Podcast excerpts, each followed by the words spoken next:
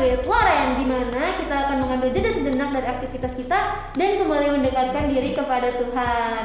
Hari ini ditemenin sama aku, nama aku Caca dan aku akan jadi penyiar teman-teman hari ini. Dan sebelum aku mulai, aku pengen tanya dulu nih kabarnya teman-teman pendengar sekalian. Gimana kabarnya? Semoga semuanya dalam keadaan baik-baik aja ya dan jangan lupa untuk selalu menerapkan 3M yaitu mencuci tangan, memakai masker dan juga pastinya menjaga jarak supaya kita semua tetap dalam keadaan sehat dan terhindar dari virus. Di podcast ini kita akan membicarakan hal-hal yang up to date tentang kegiatan dan peristiwa yang terjadi di Paroki Alam Sutra. Setelah sebelumnya kita membahas hal tentang gerakan tahun keadilan sosial 2020, pada hari ini kita akan membahas hal yang sangat berhubungan dengan bulan Oktober. Apa tuh ya teman-teman? Pastinya tentang bulan Rosario dan kecintaan terhadap Bunda Maria. Nah, kalau mendengar soal Rosario dan kecintaan Bunda Maria, biasanya kita langsung mikirin nih satu komunitas yang berhubungan banget sama Bunda Maria, yaitu Legio Maria. Maka pada hari ini kita akan membahas mengenai Rosario dan kecintaan pada Bunda Maria bersama Legio Maria. Yeay. Nah, sebelum kita berkenalan lebih lanjut nih sama teman-teman dan Tante Kim yang udah ada di sini, jangan lupa untuk selalu like, comment, dan subscribe YouTube channel kita di Paroki Alam Sutra dan share ke banyak-banyak orang yang menurut teman-teman harus banget untuk dengerin podcast ini. Dan podcast ini juga bisa didengerin di Spotify dan Anchor loh. Jangan lupa follow dan subscribe juga ya.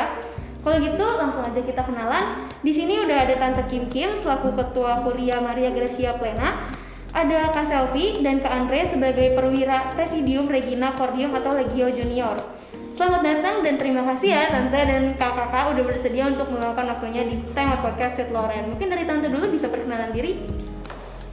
Nama saya Tante Kim, Tante Kim Kim. Uh, saya uh, legioner di Laurentius. Cukup gitu. Masih belum panas ya, ya. Terima kasih Tante. Dari Kak Andre mungkin? Uh, halo, nama aku Andreas. Saya legioner juga di sini. Uh, satu presidium dengan uh, Selfie. Oke, okay, thank you Kak Andre.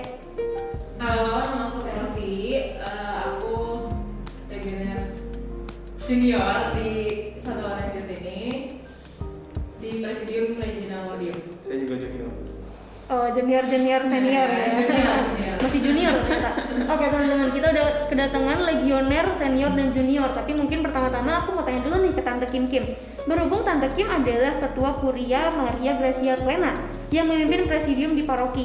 Mungkin Tante bisa kasih tahu dulu nih sebenarnya Legio Maria tuh komunitas apa sih dan e, sejarahnya Legio mungkin. Iya. Jadi Legio Maria itu adalah suatu uh, organisasi kerasulan awam ya.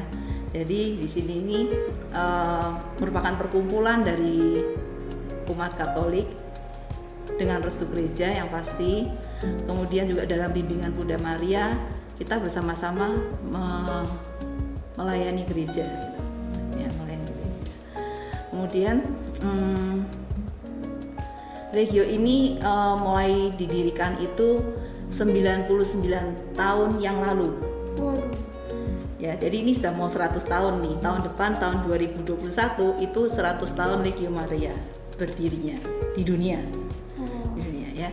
Jadi uh, pada tanggal 7 September 1921 itu Bapak Frank Duff, Bapak Frank Duff tuh yang fotonya ada di situ. Bapak Frank Duff ini mendirikan Legio Maria. Nah, pada waktu itu beliau uh, bersama-sama dengan Pater Michael Toher yang merupakan Uskup Agung Dublin dan beberapa uh, wanita bersama-sama berkumpul memulai rapat pertama untuk Legio Maria itu. Jadi beliau ini uh, orang yang mempunyai kepekaan tinggi, Bapak Frank Duff ini kepekaan yang tinggi kepada kaum yang miskin, kemudian uh, ya tersisi yang serba kekurangan lah itu. Dia melihat kondisi gereja pada waktu itu pada tahun 1921, kemudian beliau tergerak mengumpulkan orang dan memulai karya uh, kerasulan Legio. Wah keren keren. Terus tante pengen tahu dong tadi tante ada sebut tante dari Kuria. Terus katanya kalau kakak ini presidium. Mungkin banyak juga nih teman-teman pendengar yang belum tahu. Sebenarnya itu tuh apa sih tante? Oh, jadi gini, di Legio Maria itu kalau kita nih eh, satuan terkecilnya itu presidium. Jadi presidium itu terdiri dari kumpulan orang-orang. Jadi misalkan kamu, kami, kami, kami gitu ya, eh, tante-tante yang lain berkumpul itu membentuk suatu presidium.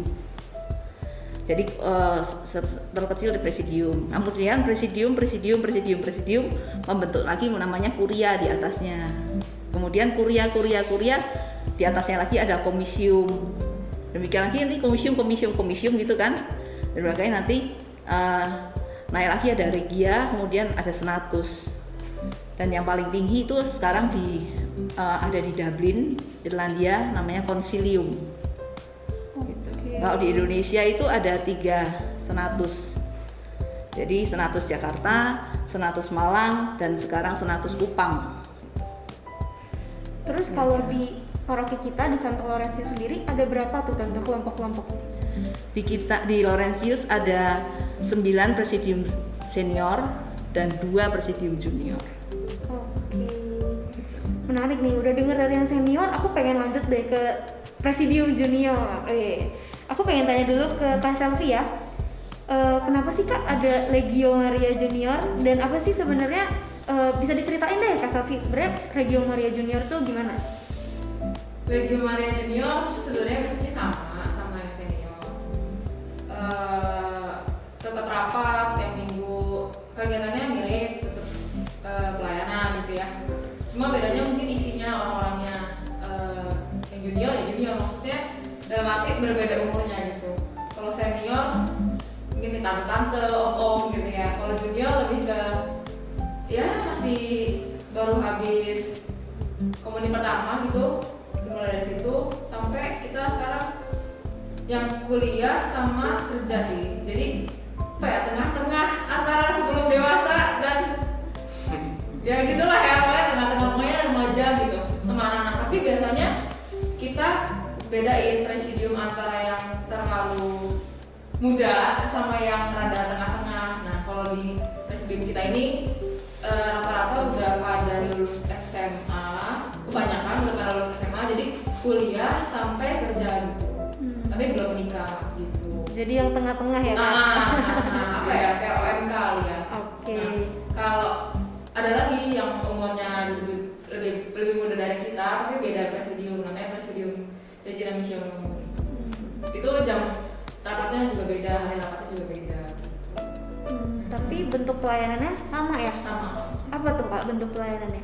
bentuk pelayanannya rapat eh, doa lalu kita mengunjungi orang-orang sakit di rumah sakit gitu. jadi kita datang ke salah satu rumah sakit terus kita data pasiennya yang mau didoain kita doain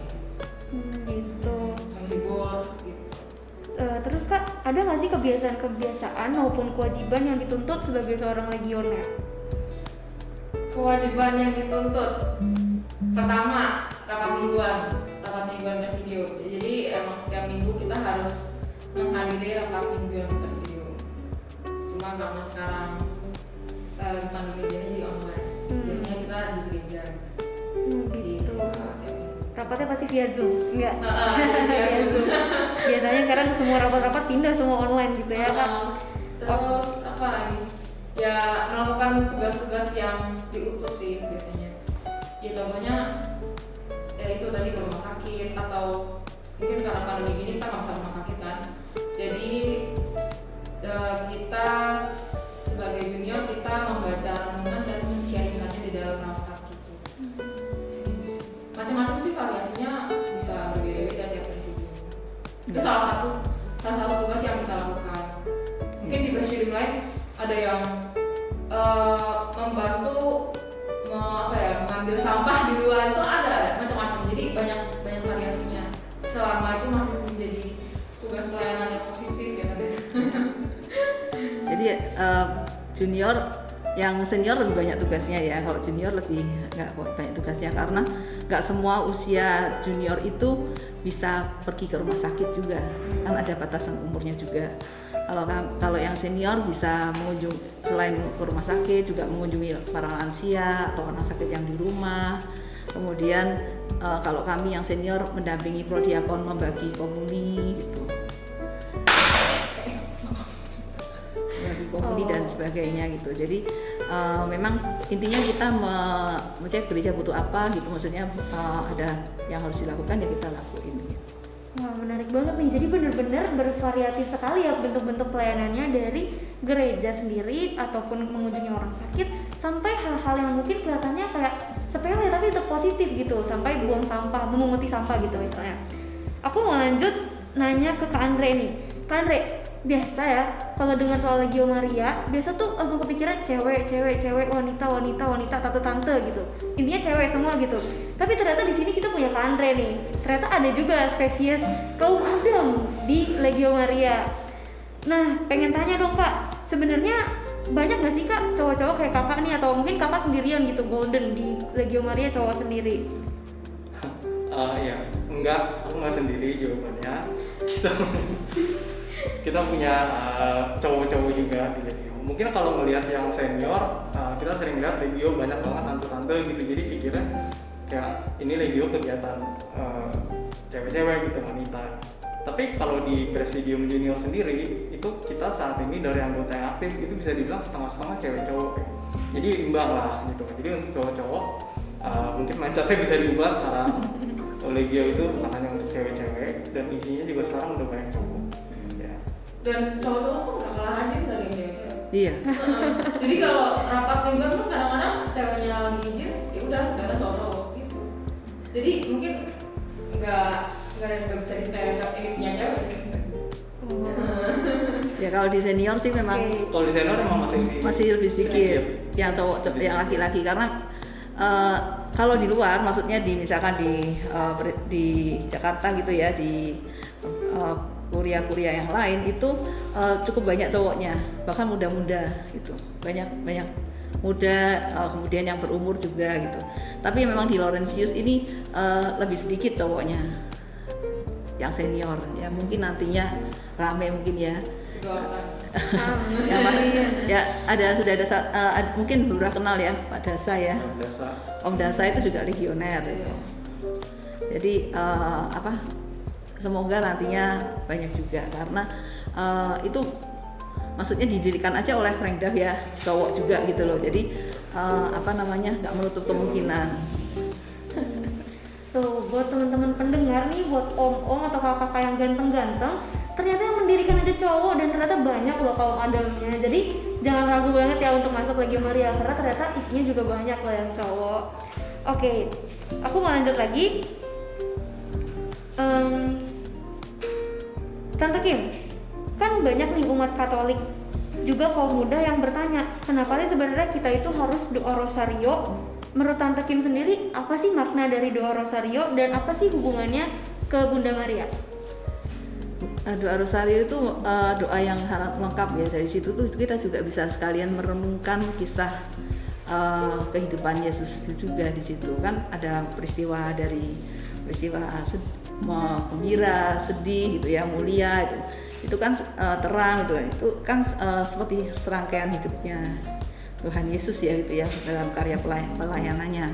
Nah selain itu kita juga eh, apa namanya di situ itu dari mulai aku percaya sampai apa semua ada di situ ya Bapa kami Salam Maria itu. Jadi doa yang lengkap itu dan disebut juga itu eh, doa yang eh, teologis gitu.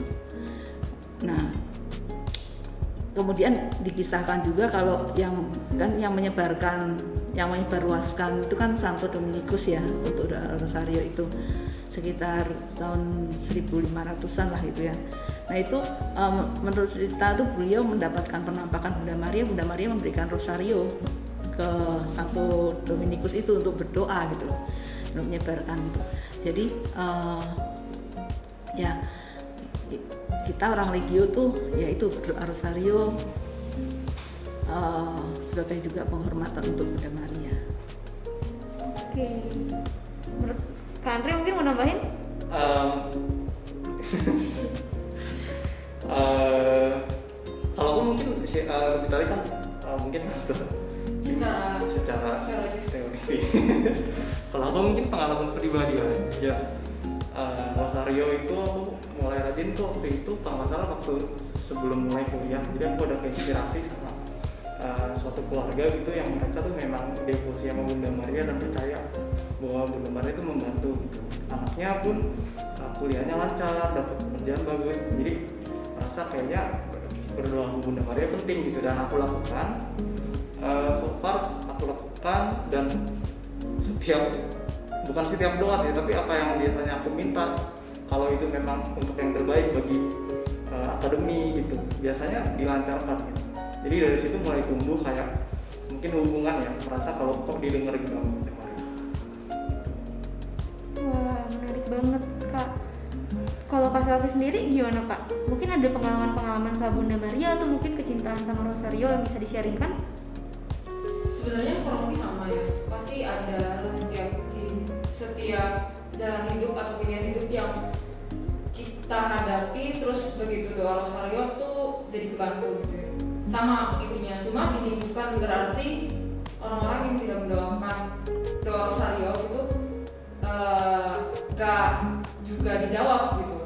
Eh, tapi mungkin lebih apa ya? Karena begini doa rosario itu memerlukan effort lebih. Pertama waktu karena itu pasti Tuhan tuh kayak melihat kita gitu.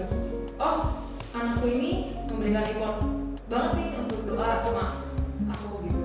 Jadi mungkin dari situ yang akan terlihat eh, ketika kita menanam effort yang lebih kita akan menuai juga hasil yang lebih gitu. Jadi ya di situlah perbedaan doa rosario dengan doa yang lain. Ini lebih ke effort aja gitu. karena waktu waktu yang kita berikan juga kan le- lebih banyak daripada doa hanya doa biasa aja gitu kan Betul-betul menarik banget. Jadi bisa kita ambil kesimpulannya bahwa dengan berdoa Rosario, ternyata kita benar-benar semakin dekat sama Bunda Maria dan juga semakin dekat sama Tuhan Yesus itu sendiri. Menarik, menarik. Em, itu kan tentang doa Rosario nih. Aku pengen tahu lebih lagi kenapa sih awalnya tante dan kakak tuh pengen join Legio Maria? Kenapa awalnya bisa join di Legio Maria? Mungkin tante Kim dulu. Oke, Eh, jadi ya tentu waktu masih muda itu kan ya ikut-ikut itulah mudika gitu ya. Kalau sekarang kan namanya OMK gitu kan. Kemudian eh, dalam suatu masa itu eh, tante merasa jauh gitu loh, merasa jauh dari Tuhan. Masih dulu aktif, habis itu kurang aktif gitu kan ya, merasa jauh gitu. Kemudian eh, pengen nih rasa pengen deket sama Tuhan gitu. Kemudian eh, pengalaman dari masa kecil itu mungkin juga karena mami tante ya, mami tante itu eh, apa?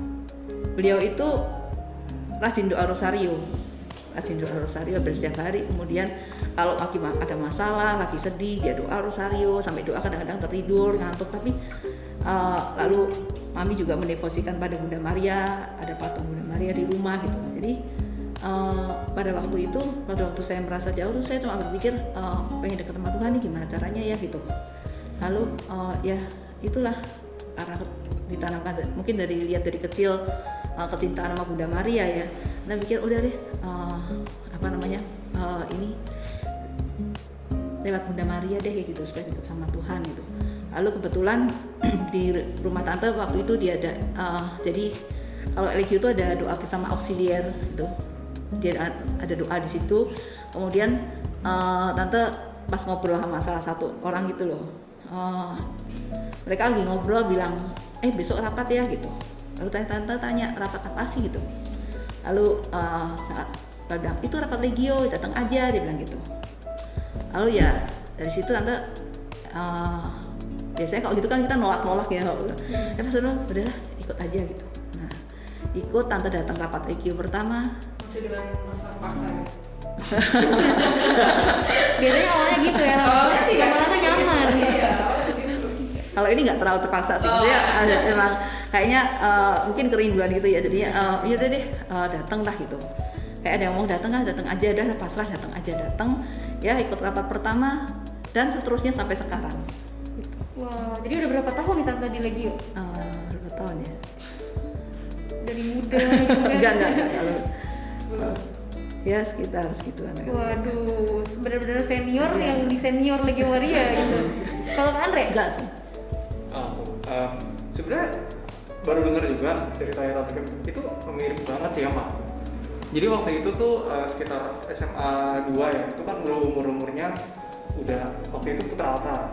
Jadi SMA 2, SMA 3 itu udah udah nggak boleh ikut tugas kan, jadi udah udah jadi pensiunan putra alta. Nah, terus habis itu SMA 3 mulai masuk kuliah itu sempet kayak tante Kim gitu, jadi udah jalan, jalan sekitar 6 bulan tahun itu nggak ada kegiatan di gereja. Nah, habis itu rasanya pengen lagi kan kayak involve di sesuatu lah gitu di gereja. Terus Sylvie ngajak ikut aja Legio Maria gitu. Sebenarnya pertama berpikirnya kayak wah ini kayaknya Legio isinya jangan-jangan cewek-cewek semua gitu kan. Terus begitu ikut pertama ternyata ada cowok juga gitu. jadi lebih ke karena itu sih. Jadi udah berhenti putar latar udah nggak ada kegiatan gereja.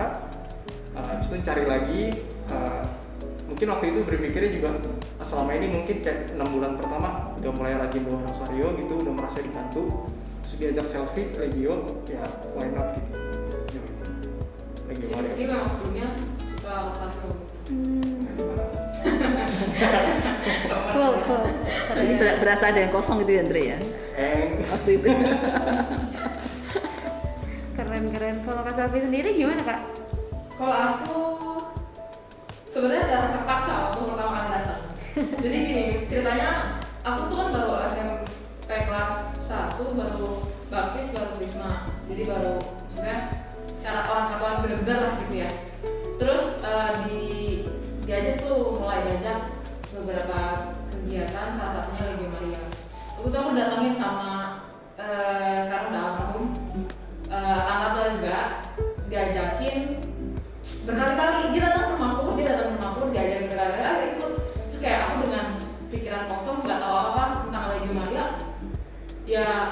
nolak gitu. Orang sering nolak sering nolak. Aduh banyak alasan lah. Alasan seribu satu alasan gitu ya. Terus habis itu karena dipaksa terus ya udah akhirnya datang. Sebenarnya waktu itu alasan nggak mau ikut karena lebih tertarik sama Miss Dinar sama Putri Rizky ini kan nah eh, karena udah terlalu tertarik sama Miss Dinar akhirnya daftarlah Putri Sagisi juga dan masuk Legio Maria juga. Dua-duanya jadi jadinya jalan tuh dua-duanya jalan ya udah ikut ikut ikut karena memang eh, apa ya suka bergaul juga sama orang. Jadi mungkin kebentuklah teman-teman di sana. Jadi lama-lama jadi nyaman di Legio Maria ya Eh, nyaman udah jadinya sampai sekarang. Jadi awalnya sebenarnya rasa paksa sih. Cuma gara-gara dipaksa itu dipaksa dipaksa ah udah didatangin ke rumah. Terus besokannya beberapa hari kemudian didatangin lagi ke banget sih siapa sih gitu kan? Nggak kenal nggak nggak deket gitu diajakin terus udah akhirnya tahu jadi kayak sekarang dari dari masih bocah masih nggak ngerti apa-apa ya puji Tuhan sampai jadi perwira Wow. ketua presidium dia. Ketua Wow, ketua presidium presidium. iya nggak nyangka sih sebenarnya. Hmm, ternyata rahmat Tuhan itu bekerja dalam dipaksa-dipaksa itu Iya. ya lama-lama lengket juga dipaksanya. Oke menarik banget nih. Tapi itu kan eh, untuk pribadi Kak Safi dan Kak Andre sendiri nih. Tapi menurut Kak Safi dan Kak Andre sebenarnya apa sih relevansi kecintaan pada Bunda Maria em, bagi kaum kaum muda? Agak berat ya agak berat. Siapa dulu ya? Safi dulu mungkin. Kak Andre dulu deh. Relevansi apa ya? Uh, mungkin uh, kita lihat apa yang biasanya anak-anak muda itu lalui uh, let's say anak-anak umur 17 sampai 25 tahun itu kan di umur-umur itu kan banyak uh, apa ya uh, momen-momen yang kita harus bisa gitu jadi kita di, uh, dihadapkan banyak pilihan dari mungkin milih sekolah, milih kuliah, jurusan, kerja dan macam-macam. Nah, itu dan hal-hal itu yang pada ujung-ujungnya nanti akan menentukan arah hidup kita ke depan. Gitu. Nah, dia di momen-momen penting itu menurut aku penting untuk kita uh, walaupun kita punya rencana tapi kita juga berdoa dan apa ya menyerahkan juga gitu. Ke siapa lagi? Kalau ke aku sih ke Bunda Maria gitu. Jadi uh, relevansinya di situ. Malah menurut aku kita walaupun kita punya rencana pasti rencana itu mungkin uh, berbelok dan Tuhan pasti punya rencana lain mungkin punya rencana lain untuk kita. Jadi dengan berdoa uh, kita memohon jadi supaya apa pun yang kita usahakan itu berubah yang terbaik. Eh, dan kita dibantu di setiap eh, langkah kita dalam setiap keputusan dan usaha. Itu sih paling relevan Kalau menurutku eh, anak muda dengan Bunda Maria sebenarnya simpel sih. Kayak anak sama ibu. Ya. Di mana kita kan sebagai anak muda masih tinggal sama orang tua masih sering komunikasi sama ibu gitu kan ya. Dan biasanya erat hubungan antara anak dan ibu. Dia- di mana ibu kan bisa menjadi tempat curhat buat kita gitu ya. Kalau ada susah kontak ibu gitu kan ya kontak mama kita. Sebenarnya sesimpel itu gitu. Jadi menurutku ya Bunda Maria ini buat anak muda ya udah ini tuh ibu lu gitu. Ibu kedua lu gitu ya. Kayak gitu sih menurutku. Jadi kayak eh, kalau aku sendiri sih kayak ngerasa dirangkul aja. Jadi kalau kalau kalau curhat tuh bisa juga jadi kayak ada mama gitu loh. Jadi kayak mungkin kita mungkin gak bisa terbuka itu sama mama kita sendiri karena mungkin satu karena lo dimarahin gitu kan ya. Bisa kalau misalnya kalau misalnya kita misalnya kita bisa melakukan kesalahan itu kan kita nggak bisa selalu ngomong sama orang tua kita gitu. Tapi kan kita bisa ngomong sama Tuhan kita bisa mengampuni. Meng, apa diampuni dosanya ya ngerasa dirangkul aja kalau ada Bunda Maria itu jadi kayak punya eh, mama gitu gitu sih Hmm, keren-keren lagi pula. Setuju gak sih kak kalau misalnya Tuhan Yesus aja sebegitu mengasihi ibunya, kenapa kita nggak mengasihi juga gitu? iya bener Nah, surga di telapak kaki ibu. Oke deh. Em, dan menurut tante Kim sendiri, apa sih tante? Kalau tadi kan bagi kaum muda nih, udah dijawab sama kakak-kakaknya. Kalau bagi tante, eh, apa peran Bunda Maria bagi gereja dan sumbangan Legio Maria buat umat di paroki kita di Santo Laurentius? Uh, Bunda Maria itu disebut juga Bunda Gereja ya. Pada waktu itu uh, sebelum Pantekosta kondisi apa uh, para rasul ketakutan segala macam Yesus yang nggak ada gitu ya Yesus itu itu Bunda Maria mengumpulkan mereka semua para uh, rasul-rasul ya kan bersama-sama dengan uh, para rasul dalam kondisi mereka mungkin kalut ketakutan gitu ya kan. Nah, jadi Bunda Maria itu em, melaksanakan tugasnya yang diberikan oleh Yesus untuk memelihara kita semua eh, anaknya ya kan. Waktu di kakak salib kan dia bilang eh, ibu ini anakmu gitu kan ya. Kemudian Bunda Maria melaksanakan terus itu eh, tugas itu sampai sekarang. Jadi eh, gereja Katolik ini sungguh berbahagia sekali ya punya seorang ibu. Ya seperti tadi Selvia katakan bahwa eh, seorang ibu itu memelihara anak-anaknya seperti halnya Bunda Maria merawat kita semua juga. Dari dulu dari mulai Yesus nyu- men- me- menyuruh Bunda Maria sampai sekarang gitu. jadi eh, Bunda Maria itu berperan sekali lah dalam perjalanan gereja Katolik ini kemudian eh, tadi apa? Oh di paroki kita ya di paroki kita eh, ya regio itu karya pelayanannya tuh sesuai dengan gereja atau paroki dia di mana gitu. Jadi seperti di Laurentius Laurentius butuhnya apa gitu. Ya regio membantu di situ. Jadi kebutuhan antara paroki satu dengan paroki yang lain itu mungkin ber- berbeda. Paroki yang di Alam Sutra sama yang di Kalimantan atau yang di Lampung itu mempunyai kebutuhan yang berbeda-beda gitu ya tapi yang pasti eh, pelayanannya disesuaikan dengan kebutuhan paroki.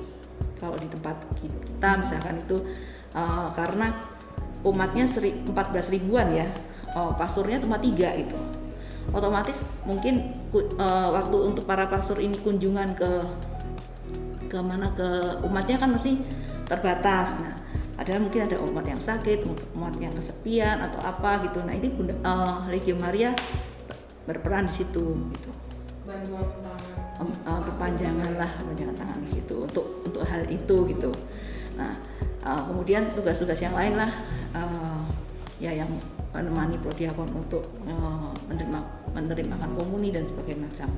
Mungkin legio kalau yang di bukan di paroki kita yang di tempat lain di pulau yang lain mungkin di mana parokinya untuk kekurangan katekis, mungkin mereka juga ngajarin doa kepada umat yang lansia atau umat yang masih belajar gitu.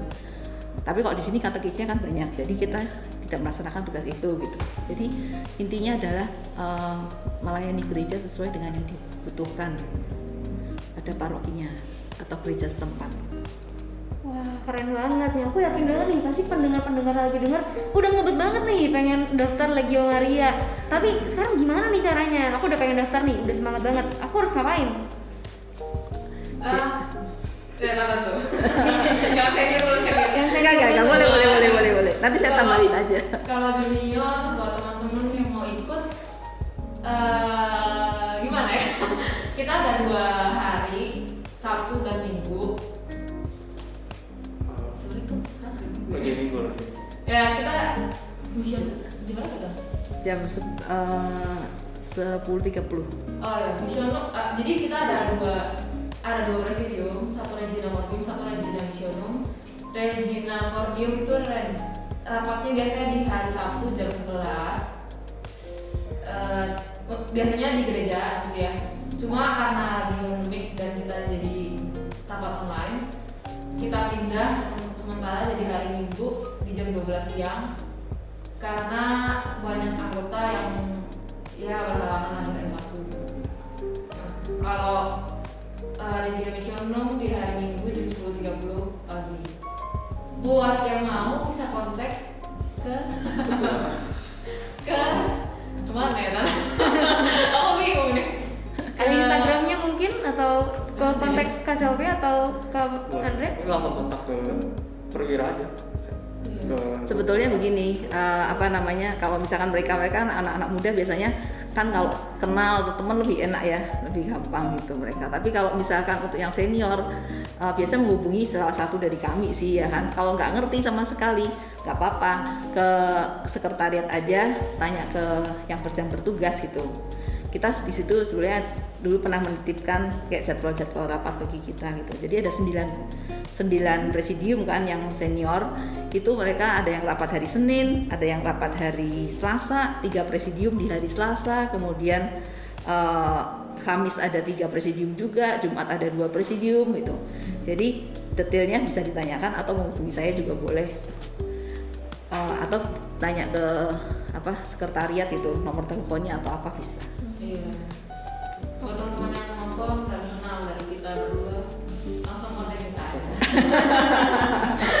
kita. Mungkin Om Tante atau teman-teman muda yang tertarik untuk gabung Legio Maria bisa langsung telepon sekretariat dan langsung tanya, mana nih kontaknya Tante Kim Kim? Boleh langsung diteror aja Tante Kimnya. Gue mau ikut nih Tante.